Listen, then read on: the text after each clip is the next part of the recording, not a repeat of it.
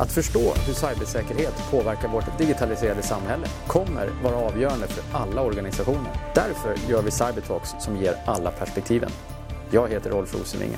Välkommen! I veckans avsnitt av Cybertalks träffar vi Joakim Sundberg som är grundare och VD för Baffin Bay Networks. Baffin Bay är ett svenskt cyberbolag som genom avancerade molnbaserade tjänster bidrar till att skydda företag och organisationer mot exempelvis disturbed denial of service-attacker. I avsnittet får vi höra om Joakims erfarenheter av att bygga bolag som entreprenör, men också vad som krävs för att Sverige ska få fler cyberstartups. Hej och välkomna till ytterligare ett avsnitt av Cybertalks. Idag har vi med oss Joakim Sundberg från Baffin Bay. Välkommen! Tack så mycket! Det här ska bli jättespännande. Vi har ju träffats några gånger, eh, känner varandra lite grann. Eh, det är en spännande resa som ni är mitt uppe i. Men eh, vi kanske börjar helt enkelt bara i änden, så att säga, berätta kort om dig och hur du hamnade i stolen som grundare till Baffin Bay. Absolut. Ja, eh, det har varit en lång resa. Eh, eller relativt lång resa, ska vi säga. Någonstans runt 22-23 år i cybersecurity-businessen. Eh, olika typer av företag och med olika typer av framgång och erfarenheter. Började min tidiga karriär på Sourcefire back in the days när, man, eh, när Snort var eh, den, den heta open source IDSen, IPSen. Mm. Eh, började eh, med den kring utveckling, eh, sen senare på Sourcefire när Sourcefire blev ett bolag eh, med Martin Roche. Eh, och eh, senare var till Sourcefire uppköpt av Cisco och då gick jag vidare till FM. landade på FM och byggde FM Silverline som var deras cloudbaserade plattform. Men någonstans runt 2016 där så tog jag beslutet att det, här, det här går att göra det här går att göra bättre det går att göra annorlunda och det går framförallt att göra på hemmaplan. Eh, made by Sweden eh, från, från det perspektivet. Mm. Eh, och eh, såg utmaningarna med att kanske hitta säkerhetsutvecklare. Vi har ju extremt mycket pentestare i Sverige. Eh, folk som är duktiga på revidering kring säkerhet och så vidare. Eh, men historiskt sett så har vi inte haft så jättemycket nät och applikationssäkerhetsutvecklare. Eh, och har vi haft det så har de försvunnit till USA. Eh, men det har framförallt inte varit bolag inom, i, Sverige som har sysslat med det. Så det såg jag lite som utmaningen också. Att se, kan vi plocka ihop det teamet som behövs i Sverige? Eh, koncentrera ta det här och, och göra utvecklingen i Sverige. Ehm, Eh, och ja, det har vi lyckats bra med idag, nu med facit hand. Och för de som ännu inte har hunnit eh, lära känna Baffin Bay, ska vi bara kort kanske också sätta på, på kartan så att säga, vad är det ni gör? Absolut. Så Baffin Bay bygger en molnbaserad eh, vad vi kallar threat protection-plattform eh, som i, i realtid skyddar kunder mot attacker från internet. Eh, så allt som man egentligen möjliggör att någon ansluter till från internet, det kan vara en webbserver, det kan vara ett API, det kan vara en mailserver, det kan vara en filserver eller vad, vad det nu kan tänkas vara. Eh, kan vi skydda i realtid genom att rota trafiken in i våra molntjänster eh, som är utspridda runt om i världen. Eh, allt från Singapore till LA. Idag har vi åtta stycken datacenter. Eh, där tvättar vi ren trafik, inspekterar och tvättar ren trafiken och sen så skickar vi den rena trafiken tillbaks till kundens eh, eh server. Just det. Och ehm, genom hela liksom, eh, hela resan som du beskriver så finns det ju, det hör man ganska tydligt, ett, ett brinnande teknikintresse. Eh, och jag tycker alltid det brukar vara spännande att oss, sig varifrån kom det från början? Hur, och, och, hur har det liksom stimulerat resan? Mm. Ja, eh, det började väl tidigt. Jag var inte en sån, jag menar flesta av mina polare när man var liten, de, de spelade spel. Det var VIC 64 och det var liksom första PCn kom och, och så vidare och så vidare. Eh, min pappa jobbade på IBM och då var det inte PC eh, som det var tal om utan då var det på sin höjd OS2. Då.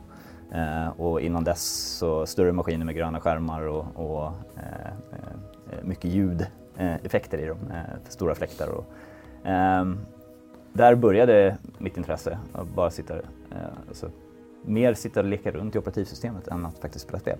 Mm. och sen så senare då, lite programmering och därifrån kommer liksom, grundintresset. Men eh, sen har jag alltid följt, följt den hela, hela tiden och, liksom, och första jobbet eh, det var ju givetvis utveckling. Liksom, så att, eh.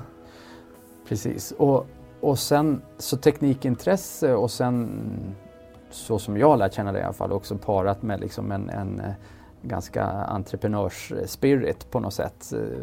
Alltid Va positiv. Ja, dessutom. och det kanske hänger ihop, det är en förutsättning ja, för. Men var, var, kom den ifrån, den delen att, att vilja också någonstans ta det, alltså teknikintresset och kunnandet och erfarenheten och sen bestämma sig för att vilja bygga bolag mm. av det? Det har inte, det har inte alltid varit självklart. Ska jag, säga. Det, jag trivs bra i de Eh, roll roller jag haft på stora företag som Sourcefire, eh, eh FM och så vidare.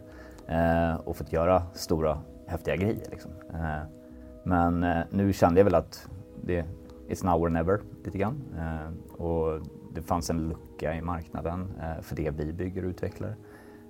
vi, vi möjliggör ju för partners som vi samarbetar med att faktiskt använda vår tjänstplattform och eh, kunna återförsälja den med sin logga på, eh, managerat utav dem. Eh, vilket, eh, vilket inte fanns på marknaden och fortfarande inte finns på marknaden bortsett från oss. Eh, så det fanns några sådana här små saker som gjorde att vi kunde skala det lite större, lite snabbare. Eh, och det var lite grann, ja men ta det tillfället och se om det går att göra någonting baserat på det. Och samtidigt bygga en plattform som är bättre med modern teknik, inte har legacy-grejer från början på 2000-talet eh, som är svåra att eh, migrera ifrån eller komma ifrån eller vidareutveckla. Eh, istället, eh, vi började ju kring hypen eh, av machine learning eh, när det faktiskt fanns resurser och kapacitet för att göra eh, tunga kalkyleringar och algoritmer. Ehm, så, så vi har ju liksom ett inhouse team som sitter och utvecklar alla algoritmer i Stockholm här till exempel. Eh, och det tycker jag är lite roligt, för, och du nämnde det eh, också initialt här eh, och jag skulle vilja så att säga, ställa ett par följdfrågor till det. För jag delar din bild att, att det finns, det finns liksom pockets av jättehög kompetens i det här landet men totalt sett så har vi ändå eh, vi är mycket mer digitalt mogna än vad vi är säkerhetsmogna. Absolut. Vad är din take på varför är det så? Jag tror att det är eh, en, en, en gnutta utav den anledningen är nog att vi är svenskar. Mm. Eh, vi är godtrogna. Mm. Eh, vi tror, nej men det är ingen som skulle göra något sånt. Mm. det ligger lite i vår mentalitet. den andra är att det finns, det har funnits historiskt sett, nu GDPR har kommit in i bilden, men det, historiskt sett har funnits få compelling events. Mm. att faktiskt ta säkerhet på allvar, för det, det har liksom inte riktigt gett något straff för gemene man. Eh, sitter man som, som, som VD så har man, det har inte hänt så mycket. Liksom. Eh, om, om bankens bankvalv digitalt sett har blivit tömt på pengar. Eh, och kollar man över Atlanten eh, i USA, det är ju direkta eh, konsekvenser om man inte gör sitt jobb från, från CISO-perspektiv till exempel. Eh, och det, det, det, det, ställs inte riktigt samma krav. Eh, även fast vi förmodligen vill uppnå de kraven. Det ställs fortfarande inte samma krav på samma sätt som får direkta konsekvenser i Sverige. Nej. Och det tror jag, det, jag tror att det är en bra analys och just den där kombinationen eh, mellan de sakerna som nu är tänkt. Men, och jag upplever också att fast vi är lite grann ändå i paradigmskiftet nu, det börjar Absolut. hända saker här men, men det har tagit längre tid ja. eh, och nu, och det är mm. kanske delvis drivet av lagstiftning men också drivet av ett antal mm. incidenter mm. som eh, jag ju i alla fall från min horisont ser att det är fler svenska bolag som också är utsatta och mm. har erfarenhet av att ha varit mm. utsatta.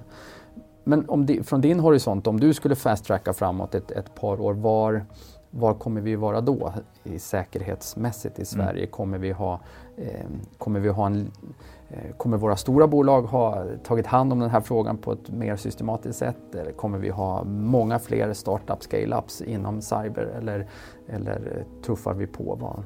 Jag tror att vi kommer ha, jag tror att vi kommer ha eh, ja, allt av det du sa egentligen. Eh, framförallt, jag ser också lite likadant som, som du nämnde att eh, vi, vi har liksom det har förändrats över tiden. De senaste året, två åren så har vi blivit bättre i Sverige generellt sett på eh, ställa krav på säkerhet, implementera säkerhet, kanske budgetera för och så vidare. Eh, och det kommer fortsätta. Eh, så vi, vi har fortfarande en catch-up att göra eh, för att komma upp till den nivån som vi kanske ser i USA eh, i satsningen på pengar kring säkerhet. Eh, och eh, även eh, lagmässigt vilka konsekvenser det får om man inte har det och så vidare eh, jag tror att den, den, det tåget har ju gått och kommer liksom fortsätta. Eh, det är inte så att vi kommer stagnera eller stanna av där. Eh, så jag tror att det kommer, för säkerhetsföretag generellt så kommer det finnas större budgetar som kanske är tydligare. Eh, så kollar man på ett företag som Buffinbay till exempel, möjligheten att sälja in vår, sälja in vår eh, tjänst eh, baserat på behov som kunder har eh, som är drivet utav specifika eh, compliances eller budgetar som är avsatt allokerade för att skydda företaget och individer på företaget. Eh, och deras kunder givetvis då, eh, kommer nog vara större. Eh, så det kommer öppna upp för mer möjligheter att eh, faktiskt eh, kanske för vår del snabbare göra affärer med kunder för att vi behöver, de, de saker som kallas compelling events eller driver affären framåt, de finns där ganska tydligt. Och det är sånt vi ser i USA idag. Mm. Ja, men, och det, jag tror att du är inne på några spännande saker här. Eh, måste passa på också eh, att fråga kring det här Baffin Bay. Hur kom det sig att, sen ska vi komma tillbaks till det här med så här utveckling, men jag kom att tänka på det. Baffin Bay, var kom namnet ifrån?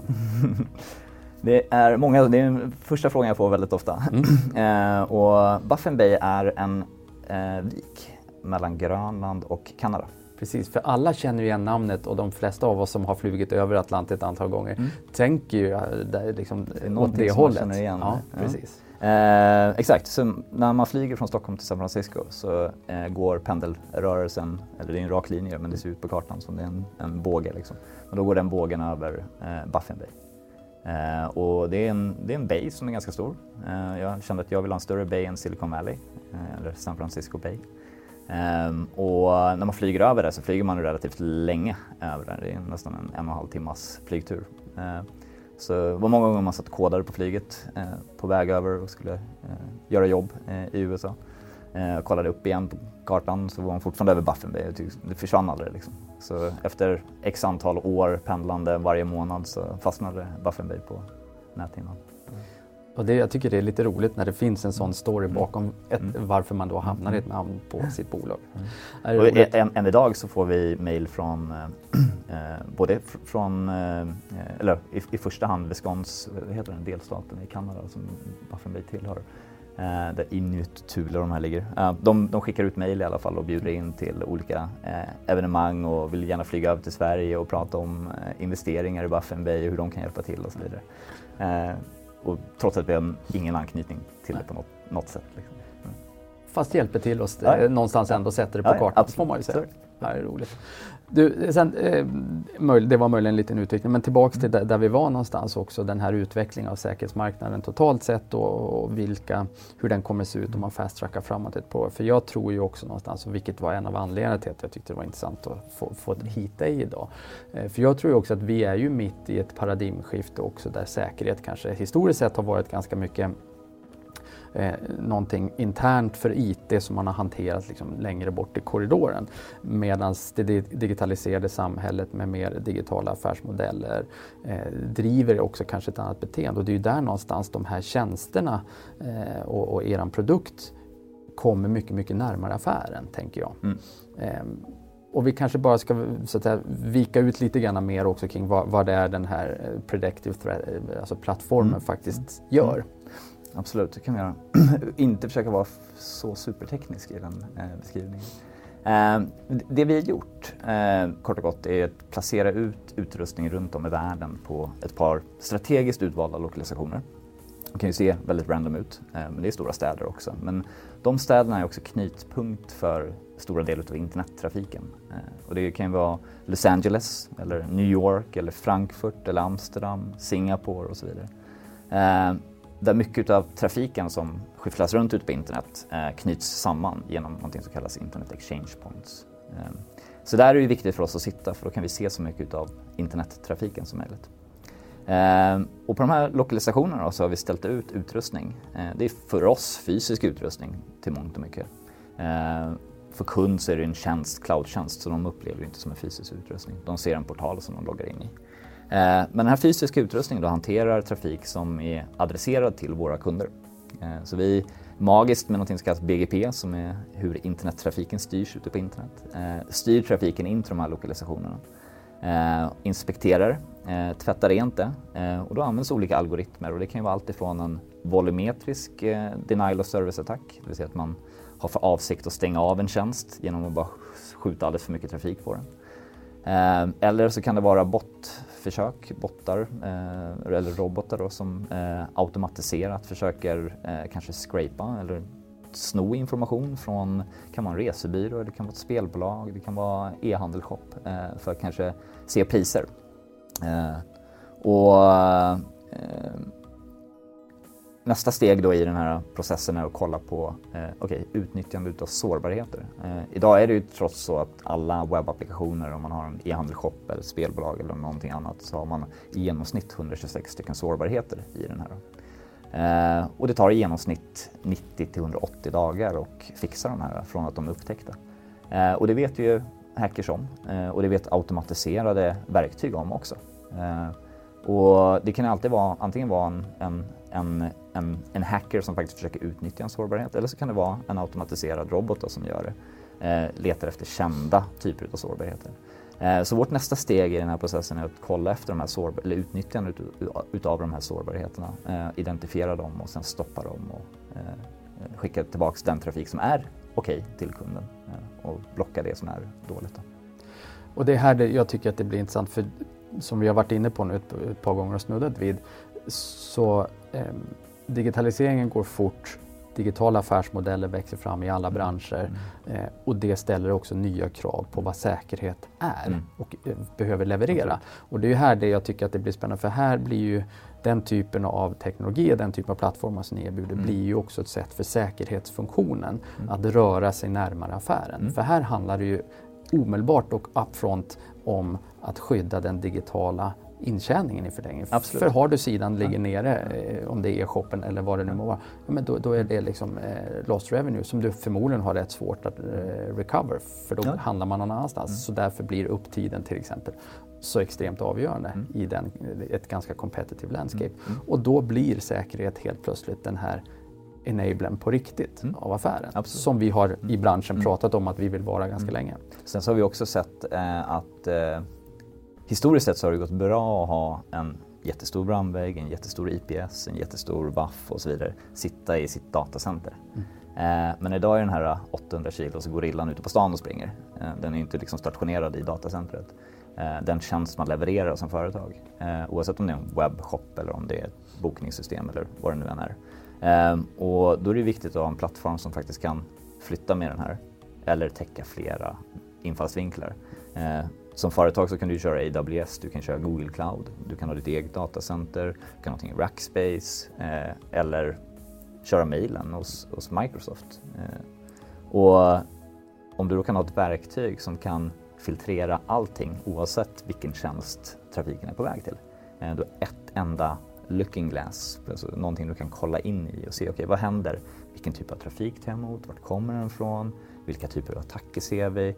Mm, de här alla IP-adresserna ser ut som dåliga. Eh, och de har vi då givetvis blockat i det här läget och förstå vad som liksom, vad för sig går. Eh, men oavsett agnostiskt vart eh, assets eller din tjänst sitter någonstans.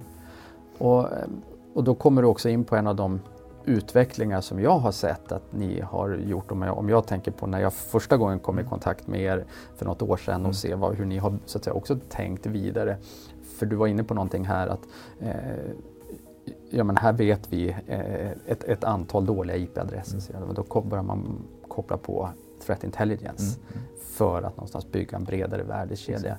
Um, jag gissar att det är så ni har tänkt också. Mm. Ja men absolut, så är det. Eh, vi, vi började med utvecklingen kring vad vi idag kallar, publikt sett kallar Threat Insight eh, i början på året. Eh, och eh, vad det är egentligen är ett globalt sensornät Eh, ett sensornät som inte normalt sett hanterar våra kunders trafik utan det finns där ute. Eh, det är ingenting som kunderna vet om, ser eller rör kundtrafik till oss. Eh, men det finns där ute för att samla in data om alla IP-adresser ute på internet. Och det sättet vi gör det på är som en honungsskål. Ställer du fram den på bordet så kommer getingarna surra kring den och flugorna och så vidare. På samma sätt så ställer vi ut sårbara maskiner ute på internet. Eller publicerar olika typer av tjänster som det finns intresse för bottar att attackera eh, och försöka liksom förstå vad det är. Eh, så vi placerar ut tusentals av sådana eh, på internet och sen så samlar vi in data, aktiviteter mot, riktade mot de här eh, maskinerna, eller sensorerna som vi kallar det. Eh, och givetvis det som träffar de här sensorerna, det är inte, det är inte min mamma eller min mormor som surfar utan det är ju liksom automatiserade handlingar eh, som sker eh, och det är ju botnät och så vidare. Eh, så det är ingenting som är personrelaterat eh, i den processen. Eh, och, men tanken med det här är att vi ska då ha så stort förståelse utav vilka som kan vara utövare utav volumetriska attacker eh, som möjligt för att kunna blocka trafiken så tidigt som möjligt också. Så känner vi till att ja, de här 1,7 miljonerna IP-adresserna är just nu de IP-adresserna ute på internet som är de absolut mest aktiva när det kommer till attacker. Eh, då har vi alltid en blocklista som innehåller de här eh, och då blir vi väldigt effektiva på att göra de här blockningarna. Och det här är ju, det här tycker jag är roligt för det är ju, är ju eh, det är ju när man kan börja bli så specifik mm. i sin threat intelligence som de börjar också addera värde på riktigt. Mm. För det tror jag har varit en utmaning för många om, om jag tänker CISOs också. Mm. Så man, man börjar, om man tänker många, många stora bolag med sina säkerhetsprogram började kanske som alla andra med att liksom bygga perimetern. Mm. Ehm, och det är det man historiskt sett har jobbat med vad gäller IT-säkerhet. Och sen har man någonstans konstaterat att det, det funkar inte riktigt. Mm. Dels så kostar det mycket pengar, det är trögt eh, och det, det, är svårt att få lira på riktigt med affären ja. för att de vill göra mer outsourcing, mer partnerskap och så vidare. Så, så då började man ju titta mer på liksom assume breach och så började man jobba med detect och respond-tjänster mm. internt, liksom SecOps, eh, med Security Operation Centers och så vidare. Och, och, och så vidare, vilket ju har hjälpt upp en del. Och sen så börjar man se nu, tycker jag, ganska tydligt att de forward leaning CISO som jag pratar med, då börjar man liksom förstå att vi måste jobba utanför perimetern mm, mm. för att totalt Absolut. sett få en in-depth mm. cyber defense. Mm, mm, mm. Det blir mycket engelska här, men, men jag tror att alla hänger med på det. Så att man liksom får du jobbar fortfarande med perimetern och det är en del av housekeeping, den kommer alltid finnas där. Du behöver jobba på insidan med assume breach och se till att du har förmåga att upptäcka vare sig det är på endpoints eller nätverk och så vidare. Eh, men du behöver faktiskt också börja jobba mm. utanför perimetern. Men den förflyttningen att jobba där ute har ju, även om många har så att säga, absolut förstått behovet av det så har det ju kanske hittills varit ganska svårt att de facto göra det. Mm. Men här börjar det bli spännande för, för nu finns det liksom väldigt tydlig specifik threat intelligence mm. som börjar byggas in i lösningar som gör att du får en mm. helt annan effektivitetsgrad. Mm. tänker jag. Men du har ju också militär bakgrund och du, du förstår ju intelligence som ordspråk på det, från, från det militära mm. sidan sett också. Kolla på USA då. Jag menar, vad skulle USA vara från ett skyddsperspektiv fysiskt sett mm. om de inte hade CIA som eh, stökade runt ute runt om i världen och samlade på sig intelligens om vad som händer och vad, vilka hoten är och yes. vad behöver det här parametret bestå utav för att vi ska kunna skydda det på ett bra sätt. Eller för att skydda landet på ett bra sätt. Eh, och det är, lite, lite, det är likadant i cybersecurity-världen också. Eh, visst, man ska alltid sopa rent framför sin egen dörr, eh, se till att liksom, den biten är eh, så, så, bra den kan vara utefter det vi vet idag. Eh, men sen så måste man också kunna gå ut och söka information ute, förstå vilka hoten är. Eh, eh, inte nödvändigtvis in på botnätnivå, vilka IP-adresser som är med, vilka eh, strängar utav Mirai malware som sprids just nu, vilka som är loaders, vilka som är scanners och så vidare. Eh, men i alla fall ha den förståelsen och inblicken att man kan göra en en bedömning av vilka produkter och tjänster och vilken typ av data som är relevant för att kunna förstärka parametret eller stå, stå bättre skyddad den dagen det faktiskt stormar vår väg. Liksom. Exakt. Mm. Och, um, så att säga, vilka kundsegment, vilka branscher har ni sett har varit snabbast på att ta till sig den här möjligheten egentligen att jobba på det här sättet? Mm. Eh, vi har, idag består ju största delen av våra kunder i, i, inom segmentet finans, försäkring och spel. Ska jag säga. Eh, och det är ju givetvis de som kanske har mest att förlora på att ligga nere. Man kan lägga till e-handel. Eh, E-handelsshoppar har varit rätt, skulle jag, mitt perspektiv säga, relativt sega i Sverige. Större framgång utomlands, men i Sverige är det relativt sega. Men de har också stora pengar att förlora på att ligga nere. kolla en dag som denna. Det är ändå Black, Black Friday. Friday. Mm. um, och um, jag menar, ligga ner en timme idag, uh, det kostar nog rätt mycket. Uh, och, men det vi ser det är att försäkringsbolag, banker och spel uh, är de som gärna investerar mycket pengar i den här typen av lösning. Ehm, jag tror att det känns som att det är en stor del av den, den svenska budgeten från olika företag som kommer från det segmentet. Så att säga. Ja men det tror jag. Så att, och, och, det, och det är ju inte konstigt eh, heller. Eh, men egentligen borde ju det här, så fort du är i BTC så, så har du traditionellt sett eh, det blir högre, högre krav på, på upptid mm. och det kostar egentligen helt enkelt mer att ligga ner. Mm. Och det blir lost revenue. Mm. Det är inte mm. bara att det, alltså, du har kostnader för att komma upp igen utan du, du, tappar faktiskt intäkter mm. också. Mm. Och jag tycker att den där är, det är en spännande del därför att vi pratar ofta om det här med hur kan säkerhet bli en verklig enabler till affären. Och här, här finns det ju helt plötsligt både tjänster och produkter som man, som man kan börja konsumera som CISO som faktiskt hjälper en internt också i den så att säga, förflyttningen av mm. säkerhetsfunktionen. Mm. Och det tycker jag är spännande. Um, och ni har ju un, under tiden här också breddat eh, portföljen eh, så att säga, och det, det, det, det är säkert en, en, en, genomgående trend i, i branschen. Var, var tror du man, var, åt vilket håll växer man vidare som en sån här typ av leverantör? Uh, jag tror att uh jag, jag, eh, man pratar med, eh, med kollegorna liksom, eh, i, i, i, företaget så min, jag ser vi, vi liksom just nu skrapar på någonstans runt 3-4 procent utav min målbild av vad vi ska åstadkomma. Eh, men mycket ligger i, i, för vår del kring automatiseringar och det har ju varit så lite grann att vi har hittat nya funktioner vartefter vi har utvecklat vidare på en befintlig funktion. Eh, kanske gjort den här algoritmen lite snabbare, lite smartare Eh, så har det liksom väckts eh, en möjlighet att göra andra saker som har lett vidare till nästa, till nästa, till nästa. Eh, och det, det, har också varit en, en väldigt, eh, ska jag säga, kulturellt sett en väldigt positivt sätt att driva produktutvecklingen. Eh, där man sett att man fått grepp, man har fått fäste. Eh, det här funkar väldigt bra, tar det vidare till nästa grej. Vi pratade tidigare om att göra det man är bra på gör att by default så är man 10% bättre.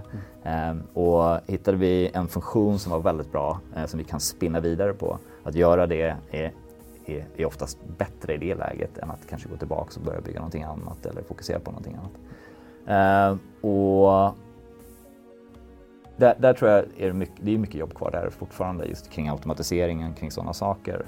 Eh, vi vill, eh, bot, bottar är ett större problem. Eh, jag menar idag, jag vet inte om du förmodligen sett att Ripe blev utan IPv4-adresser nu för mm. Europa och Mellanöstern. De är ju totalt slut mm. eh, och fortfarande så har vi bara allokerat 0, är det 0,176 procent eller något sånt där eh, utav IPv6-adresserna mm. i Europa och Mellanöstern. Så det är en hel del kvar att allokera där. Eh, och då ska man veta att varje företag som får IPv4-adresser idag eh, får också typ en halv miljard IPv6-adresser. Mm. Medan de får 2000 IPv4-adresser eh, Eh, när man registrerar sig. Eh, och då kan vi bara fundera på hur många IP-adresser och enheter som potentiellt är online i framtiden. Eh, om man eh, kollar på IPv6. Och där, där har du ett stort problem. Ehm, jag ser att vi skulle vilja kanske bli bättre på IPv6 intelligence. Eh, det vill säga kunna aktivt scanna, passivt scanna IPv6-spacet, förstå vilka maskinerna är, vad de gör, vilka IPv6-adresser hostar eh, öppna DNS-tjänster eller NTP-tjänster eller Chargen eller Memcache-D och så vidare. Eh, för att förstå bättre vilka som är de potentiella källorna utav volumetriska attacker. Eh, så där har vi en, en, en, stor grej där vi vill jobba med. Sen så vill vi ta det här data som vi har, det threat-data vi samlar in och försöka göra det användbart för svenska företag, eh, CISOs, eh, sirtar, sockar och så vidare. Eh, där man kan använda det datat och, och korrelera det mot aktiviteter som sker och händer eh, mot det här parameterskyddet man har som företag. Eh, kanske filtrera bort eh, saker som har träffat alla våra sensor, sensorer ute på internet till exempel. Kanske väldigt ointressant att kolla på från ett sockperspektiv Eh, för det är uppenbarligen en scanner som scannar allt. Ehm, och plocka bort allting, göra noise reduction som vi kallar det. Eh, plocka bort allting som är liksom, sånt som träffar alla eh, men har väldigt låg relevans eh, och kunna fokusera på den här nålen i hö höstacken som kan vara svår att hitta. Ehm, och, så där tror jag vi kan addera mycket värde. Ehm, och för att Insight var ju lite ett första steg in i att visa vad vi har eh, i form av threat-data. Eh, och det är gratis att använda också. Eh, och nästa steg i den här Eh, resan är väl någonting vi relaterar till som Threat Guidance ehm, som mer är ett system för att kunna jobba som researchers eller team, korrelera data med varandra, eh, utbyta data eh, och använda smarta algoritmer som är utvecklade av Buffin Bay för att dels analysera det datat vi samlar in som man som threat researcher eller threat hunter som ett populärt begrepp idag, eh, kan göra attribution utav attacker eller full disclosure och så vidare. Eh, och sen så blir vi lite verktyget, data, vi blir den som tillhandahåller spiken och kameran, eh, men någon annan spikar i spiken. Liksom.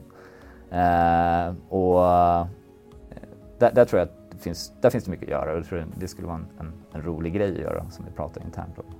Det skulle vara en ro, potentiellt sett vara en rolig resa.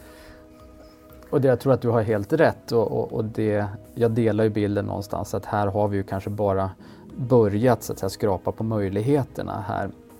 En annan sak som jag tycker är spännande också det är ju att man kan gå på egentligen vilken digital konferens som helst och så kommer det liksom spelas upp ett antal buzzwords kring eh, what's hot and not. Och, mm. alltså, mm. Samskapande mm. eh, tillsammans med kunden brukar mm. vara en sån här som det tar, det tar mindre än fem minuter innan den har mm. varit liksom uppe på en slide men det är det som jag också någonstans tycker är roligt att jag tror att menar, ni besitter en ganska hög eller väldigt hög teknisk kompetens men faktiskt också en ganska god förståelse för vad kundernas problematik är och då mm. är det kanske lättare att bli den där partnern också som mm. där man faktiskt samskapar vilket mm. i sin tur också mm. leder till en bättre produkt i mm. slutändan.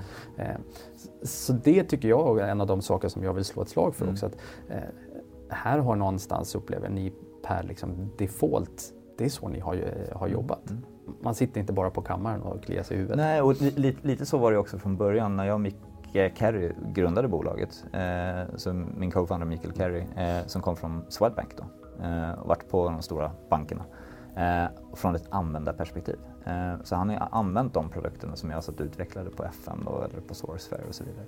Eh, så vi, menar, det vi bygger idag är baserat på erfarenhet som vi under 20-25 år eh, på olika håll har samlat eller fått eh, och nu som vi försöker korrelera till någonting bra.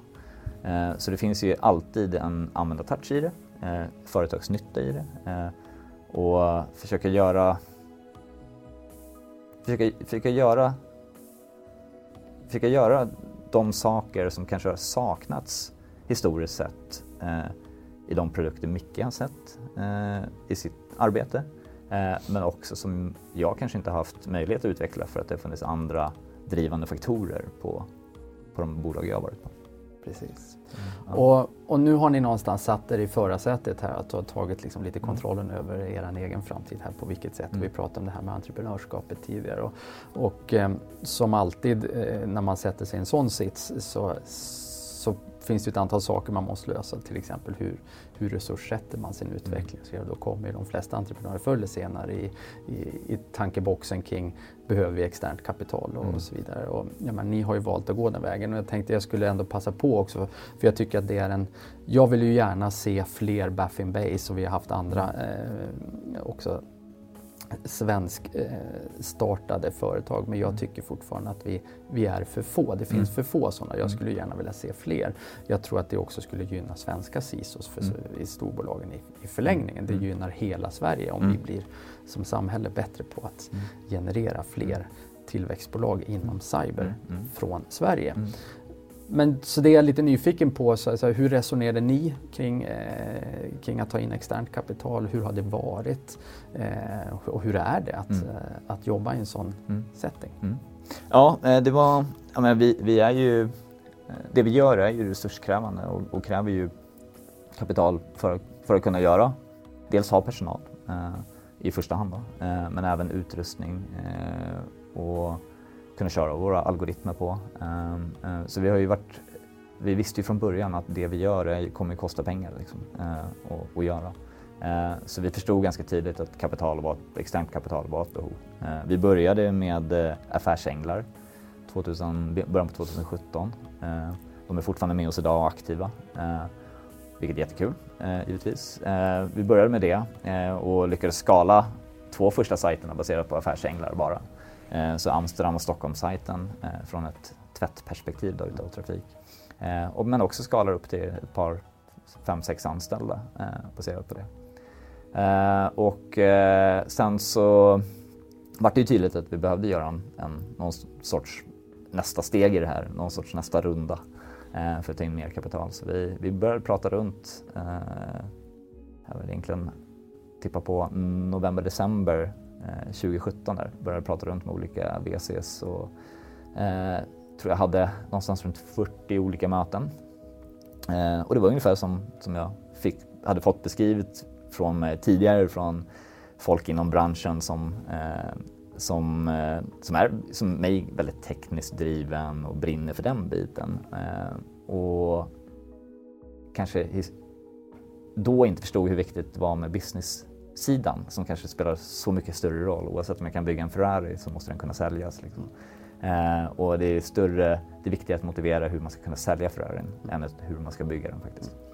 Eh, och eh, det var, det var, det var omtumlande och det var lärorikt. Eh, hela den processen med att gå igenom alla de här intervjuerna eh, eller mötena med VC'na. Eh, vissa sa ju never never. Eh, Eh, de förstod inte nödvändigtvis vad vi gjorde, vi lyckades inte kommunicera på ett bra sätt.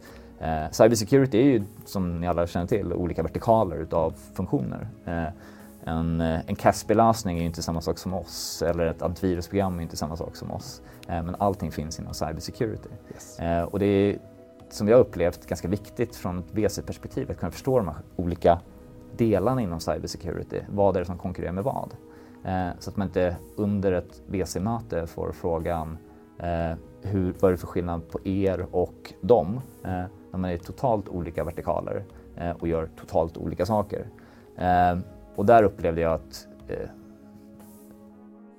kanske en viss omognad eh, hos tekniskt sett hos VCS. Men också kanske inte nödvändigtvis förväntan att de skulle ha det. Eh, och kanske inte är så att de ska ha det heller. Utan det ska vara mer businessdrivet. Eh, så där fick jag ändra min mindset och mentalitet när jag gick in i de här mötena eh, vart eftersom. Eh, men vi, vi, vi tog oss igenom det här Q, Q1 2018 där med typ 40-50 möten Eh, vissa kom man ut från och slet sitt hår och liksom slog i väggen och bara ville skrika eh, för att man tyckte att de förstår inte eller att jag lyckades inte förklara på ett bra sätt och så vidare. Eh, och sen så träffar man vissa som var helt klockrena. Eh, det liksom bara, det här kändes bra.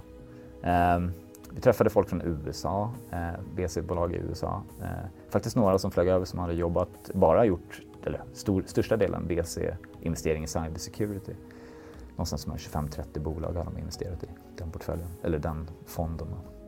Eh, och sen så lite bolag från London, Europa men också Sverige.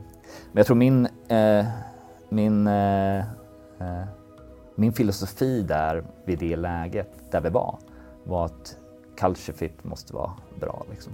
Eh, mer än någonting annat.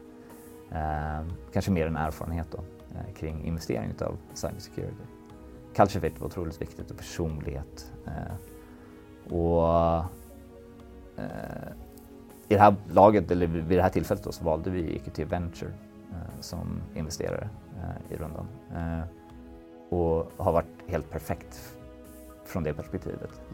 Och sen så när, när jag tror att man utvecklas som företag också, kommer in i nästa steg, ska göra nästa runda, då är det andra saker som driver. Då kanske inte nödvändigtvis är kulturen eller personal fit. Eh, utan då kanske det är att man, ja, i det här läget behöver vi kunna nå ut globalt, vi behöver liksom kunna skala nätverket och så vidare. Eh, och då kan det finnas andra fördelar eller andra attribut man kollar efter. Och jag tror att där är vi nog i en, nästa runda eh, när man kollar eh, på Tim-pengar. I det här läget så tror jag att vi kanske skulle dra mer fördel av att ha investerare som kanske har gjort en hel del cybersecurity-investeringar tidigare, vet hur man skalar cybersecurity-bolag, eh, känner till de olika vertikalerna och så vidare. Eh, så jag tror att det är eh, investerare investerar i olika typer av bolag, men det finns också olika fördelar med olika investerare och de attribut de har vid olika tillfällen. Eh, och det är en sak man har fått lära sig och det är, det är inte en dimension, det är liksom 200 dimensioner eh, som ska gå ihop. Eh, eh, förutom den liksom culture fit som ska finnas också. Precis. Det har varit en djungel kan jag säga. Ja, och det är också därför jag frågar. Därför att jag tror att alltså, någonstans en av anledningarna till frågorna överhuvudtaget är just min förhoppning om att vi om fem år har betydligt fler framgångsrika cybersecurity mm. startup scale-ups mm. i Sverige och Norden. Mm. För jag tycker att med vårt totalt liksom, tekniska och digitala kunnande mm. så, så, borde vi kunna producera mm. fler. Och det, det, finns ett antal saker tror jag som historiskt har hållit mm. oss tillbaka. Vi har varit inne på några av dem. Um, och där så att säga, finns ju någonstans en förhoppning, även om vi brukar ha CISO-perspektivet eh, ganska renodlat i podden mm. så tror jag också att det finns en hel del som lyssnar som är i branschen bredare eh, och, och, kanske har funderingar kring mm. att starta, hur gör man? Och då, då, brukar jag passa på att peta in några sådana frågor för att jag tror att det blir en värdefull input för dem. Alltså, du och eh, ni på Baffin och några andra liksom har ni, ni, har börjat tugga den här resan och gör ett antal mm. learnings och därför är det alltid intressant att fråga för att så att vi totalt sett som som land faktiskt kan producera och fler framgångsrika bolag mm. och få mer utveckling på vårt totala mm. digitala mm. kunnande. Så det är lite grann bakgrunden till frågan. Jag tycker du gav ett antal jättebra eh, saker att, att fundera på för den som, som sitter där ute och har de här tankarna. Det är ju inte enkelt och eh, i, i, vissa lägen så kan det kännas så här, kommer jag ens få några pengar överhuvudtaget? Eh, det, man ska också komma ihåg att det, det här är ju, att få in en VC, det är kanske det absolut viktigaste säljuppdraget du har för företaget. Eh, alla andra affärer kommer vara viktiga, men absolut inte lika viktiga som att stänga en affär med en VC. Ehm, och den är ju på den nivån också. Att det vet ju de om. Eh, de försöker ju liksom utnyttja situationen till det maximala också för att göra en bra affär på sin sida. Och i slutändan så blir det en win-win. Ehm, men eh, ja, nej, det är, inte enkelt, men det är, det är utmanande. Och, man lär sig hela tiden. Precis, och jag tror att eh, den viktigaste learningen som jag tar med mig från, från den där diskussionen är ju också behovet av översättning, kommunikationsförmågan. Mm.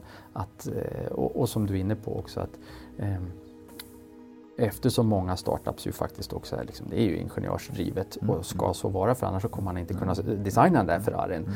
Men det finns en väldigt tydlig annan dimension i det också och det finns som du pekar ut kanske en affär som faktiskt är viktigare än alla de andra mm. eh, för att på slut, i slutändan kunna göra till... alla de andra grejerna. Exakt. Du, tiden går fort. Ja. Eh, vi brukar avsluta med en liten fråga. Vi har haft ett par olika Eh, allt ifrån vad du eh, skulle kunna tänka dig att lägga på bordet som statsminister eh, kring cyber. Men vi måste ju också förnya oss. Så att en av de frågorna som jag skulle vilja ställa till dig det är också för att få lite inspiration. Julen närmar sig, många går i julklappstankar kanske. Finns det någon bok, finns det någon film, finns det någonting annat som har inspirerat dig som du tycker att folk borde läsa, se eller så vidare? Ja det, ja, det finns många grejer. Jag är ju en sån här person som läser extremt mycket fack litteratur mm. eh, framför skönlitteratur. Eh, men går att kombinera det i någonting, något sorts eh, dokumentäriskt eh, skönhetslitteratursmaterial så är det att föredra.